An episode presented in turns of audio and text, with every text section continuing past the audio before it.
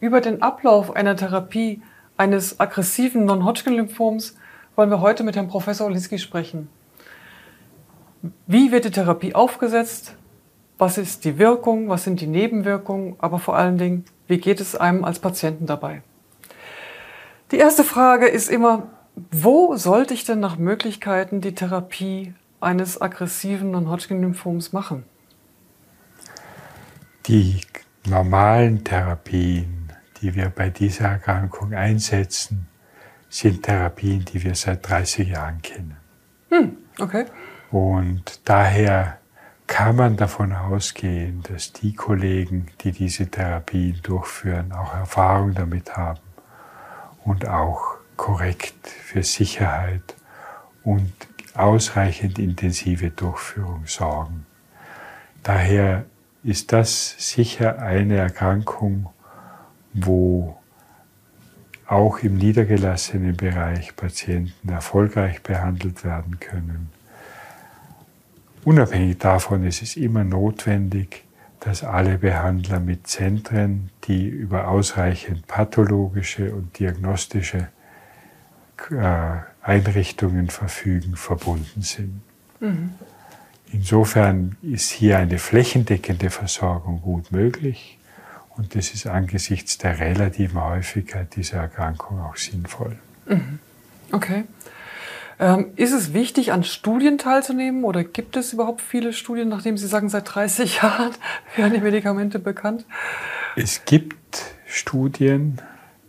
Äh, es gibt eine große deutsche Lymphomstudiengruppe, die organisiert diese Studien.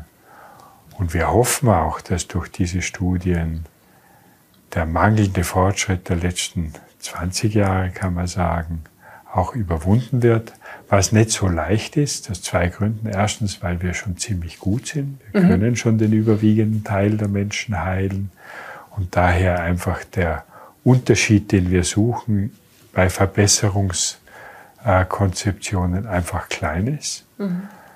Und zum Zweiten, weil ja, die letzten Studien in den letzten Jahren meistens nicht den Erfolg gebracht haben, okay. den wir uns gewünscht haben. Aber es gibt neue Ideen und von denen man durchaus hoffen darf, mhm. dass es an diesen Erfahrungen was ändert und dass die Entwicklung positiv werden wird. Wir hatten ja in dem davorgehenden Film über die Diagnose darüber gesprochen, dass die aggressiven Non-Hodgkin-Lymphome ja wirklich, ich sag mal, eine große Familie eigentlich sind. Aber in dieser großen Familie gibt es ja eine Erkrankung, die da wirklich, also quantitativ mäßig wirklich herausstricht. Die meisten Fälle sind die diffus großzelligen B-Lymphome. Und von dem her hätte ich jetzt gedacht, bei der Therapie orientieren wir uns vielleicht einmal daran. Daher die Frage, was wäre denn da der Ablauf der Therapie? Also der, der, das Backbone, das, die Basis der Therapie, die diffus großzellige Lymphome, ist ein Schema, das nennt sich R-Job. Das sind Buchstaben, die für Substanzen stehen. Mhm. Lässt sich nicht ganz leicht entschlüsseln, weil die Namen zum Teil eben 40 Jahre alt sind und nicht mehr so existieren. Aber R ist Rituximab. Rituximab ist ein monoklonaler Antikörper, der sich gegen ein Molekül richtet, das CD20 heißt und der daher verwendet wird, um das Immunsystem an CD20-positive Zellen hinzulocken und er löst aber auch direkt eine Antwort in den B-Lymphozyten aus, indem er sie empfänglicher macht für Signale wie Chemotherapie, die dann ihrerseits die Zellen töten. Mhm. Daher ist es eine Substanz, die alleine nicht sehr wirksam ist, okay. aber im Kontext mit der Chemotherapie die Heilungsraten um fast 20 Prozent verbessert Ui, okay, ja. Also mhm. die CHOP sind dann die Chemotherapeutika. Mhm. C ist noch leicht, das ist Cyclophosphamid. Mhm. H heißt Adriamycin. Okay. und O heißt Vincristin. und P ist wieder leicht, heißt Prednisolon. Okay. Das, das ist eine Infusionsserie, die man an einem Tag gibt, außer das P, das ist Cortison, das man fünf Tage lang einnimmt. Oh, okay. Und dieses Schema wiederholt man entweder alle 14 Tage oder alle drei Wochen. Mhm. Beides ist möglich und in bestimmten Situationen scheint es effektiver zu sein, das alle 14 Tage zu machen, ohne dass die Nebenwirkungen dadurch steigen. Mhm. Und es hat den Vorteil, dass man schneller fertig ist. Mhm. Bei Situationen, wo wir das Risiko hoch einschätzen, äh, dass ein Rückfall eintritt, kann man noch eine zusätzliche Substanz geben, die heißt Etoposit. Dann nennt sich dieses Schema R-CHOEP. Okay. Also das scheint bei äh, fortgeschrittenen Stadien, Hochrisikokonstellationen junger Menschen die Heilungsrate etwas zu steigern. Mhm. Dieses Schema dauert dann drei Tage. Mhm. Die gefährdendste Nebenwirkung, die dieses Schema hat, ist die Abwehrschwäche. Die ist so circa eine Woche nach der Therapie am stärksten. Mhm. Das heißt, das ist die Phase, wo man bei Fieber sofort nachschauen muss, wie das Blutbild ist. Und wenn okay. das Blutbild schlecht ist, muss man Antibiotika einnehmen. Mhm. Unabhängig von der Frage, ob man sich wohlfühlt oder nicht. Mhm. Äh, daneben haben diese Therapien natürlich auch weitere Nebenwirkungen. Sie schwächen, sie führen zu einer Reduktion der aeroben Kapazität, das heißt der sportlichen Leistungsfähigkeit, okay. die Menschen haben.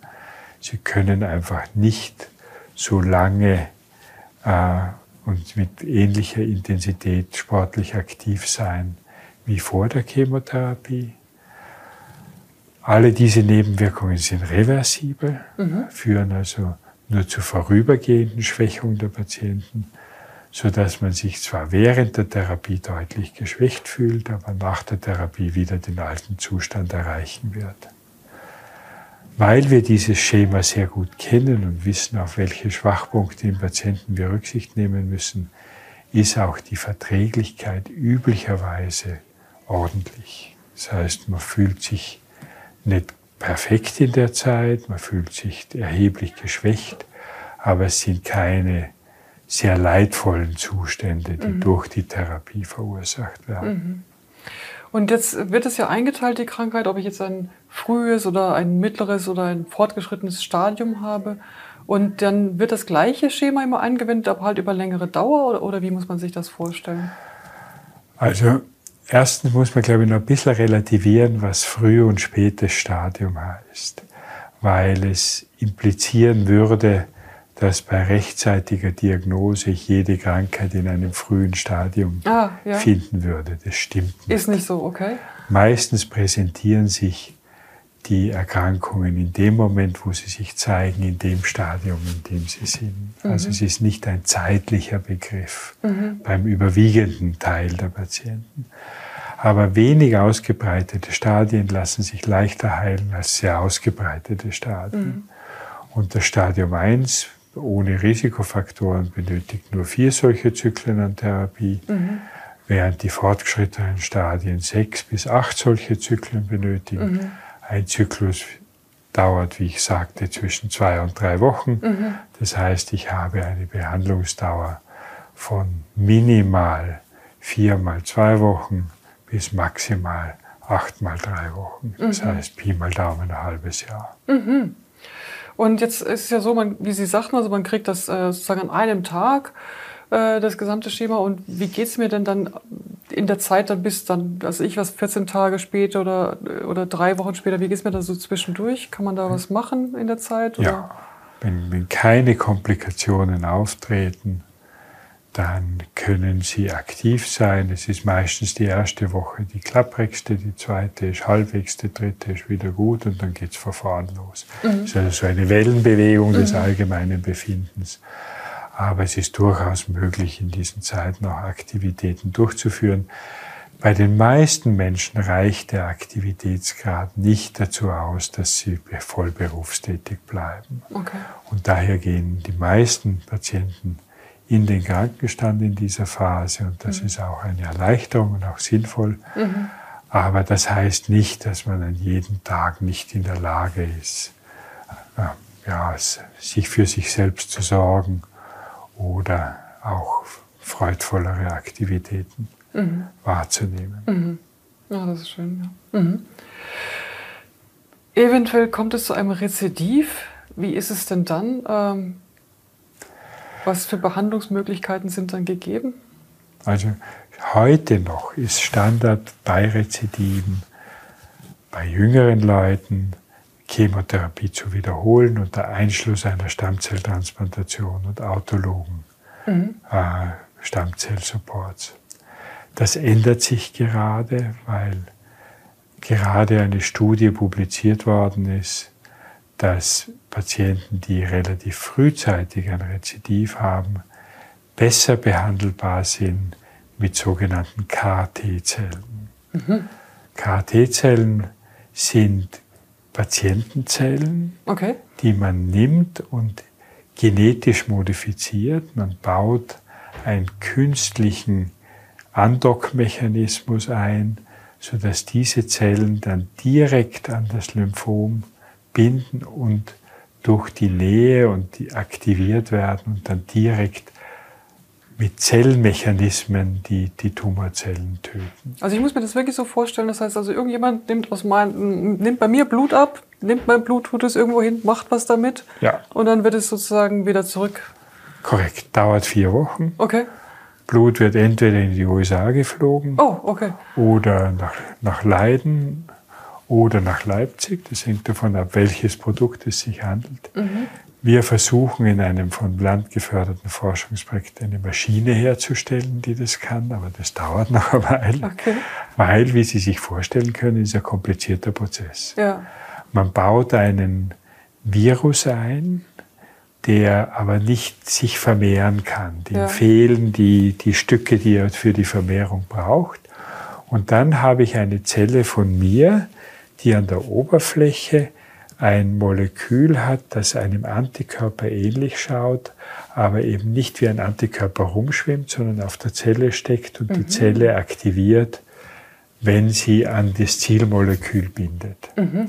Daher, hier ist es CD19, mhm. ist also ähnlich wie bei CD20 ein B-Zell-spezifisches Protein. Und wenn dieses CD19-bindende Protein eine CD19-positive Zelle sieht, wird mhm. die Zelle dahinter wild okay. und schießt Pfeile rein und tötet sie. Ah, ja. okay. Weil CD19 positiv ist schlecht.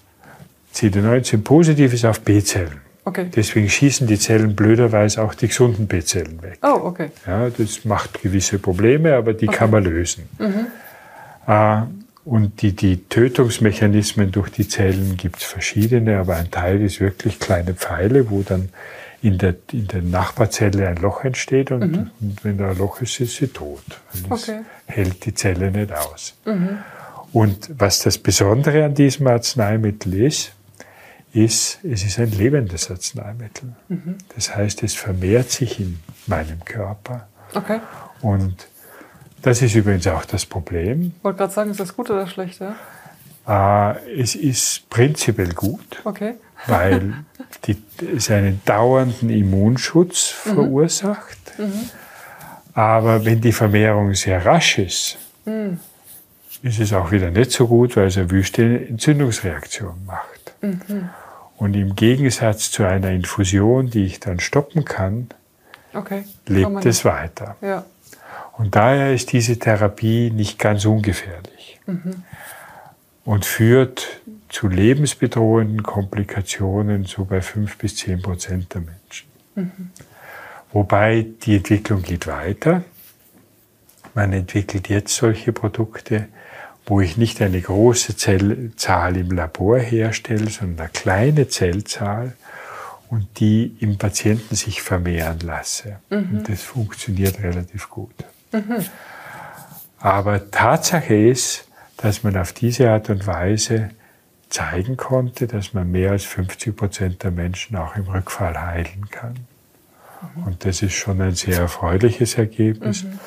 Und es ist eine Therapie, die eine Infusion darstellt. Man braucht vorher eine gewisse Chemotherapie-Dosis, dann gibt man die Infusion.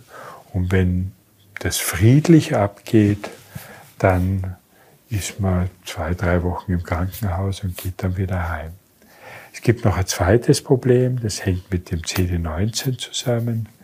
CD19 ist nicht nur auf B-Lymphozyten drauf, mhm. sondern auch auf manchen Strukturen des Gehirns. Oh, okay. Und daher gibt es auch manche Patienten, die als Nebenwirkung vorübergehende Verwehrtheitszustände haben. Mhm. Und die man dann bremsen muss, indem man diese Zellen ihrerseits wieder versucht, totzuschießen. Ach du liebe Zeit, okay. Ja. Mhm, mh. Aber es ist ein etabliertes Verfahren, es ist zugelassen, mhm. es ist teuer, es mhm. kostet eine solche Infusion 200.000 Euro. Hui. Also schon mhm. äh, Summen, mhm. die, die man ernst nehmen muss. Daher ist der Prozess, wer das tun darf und wie man eine Bewilligung bekommt, sehr standardisiert, funktioniert aber gut. Aber es müssen Zentren dafür extra qualifiziert sein und einen Qualifika mehrstufigen Qualifikationsprozess durchlaufen. Mhm. Den haben wir hinter uns. Mhm. Und daher dürfen wir. Ja. Aber es ist jedenfalls Versuch der Gesetzgeber hier schon, die Sicherheit dieser gefährlichen Therapien sicherzustellen, indem er die Anwender qualifiziert. Mhm. Mhm. Wunderbar. Vielen herzlichen Dank für diese Übersicht der Therapie der aggressiven Non-Hodgkin-Lymphome. Ich bedanke mich für. Ach ja, bitte geben Sie uns Feedback zu dieser Episode unten in den Kommentaren. Wir möchten unsere Angebote immer besser machen. Wenn Sie also konkrete Fragen haben und Sie bestimmte Themen besonders interessieren, lassen Sie es uns unter dem Video oder per Mail wissen. Und übrigens, abonnieren Sie unseren Kanal, dann verpassen Sie keine weitere Folge.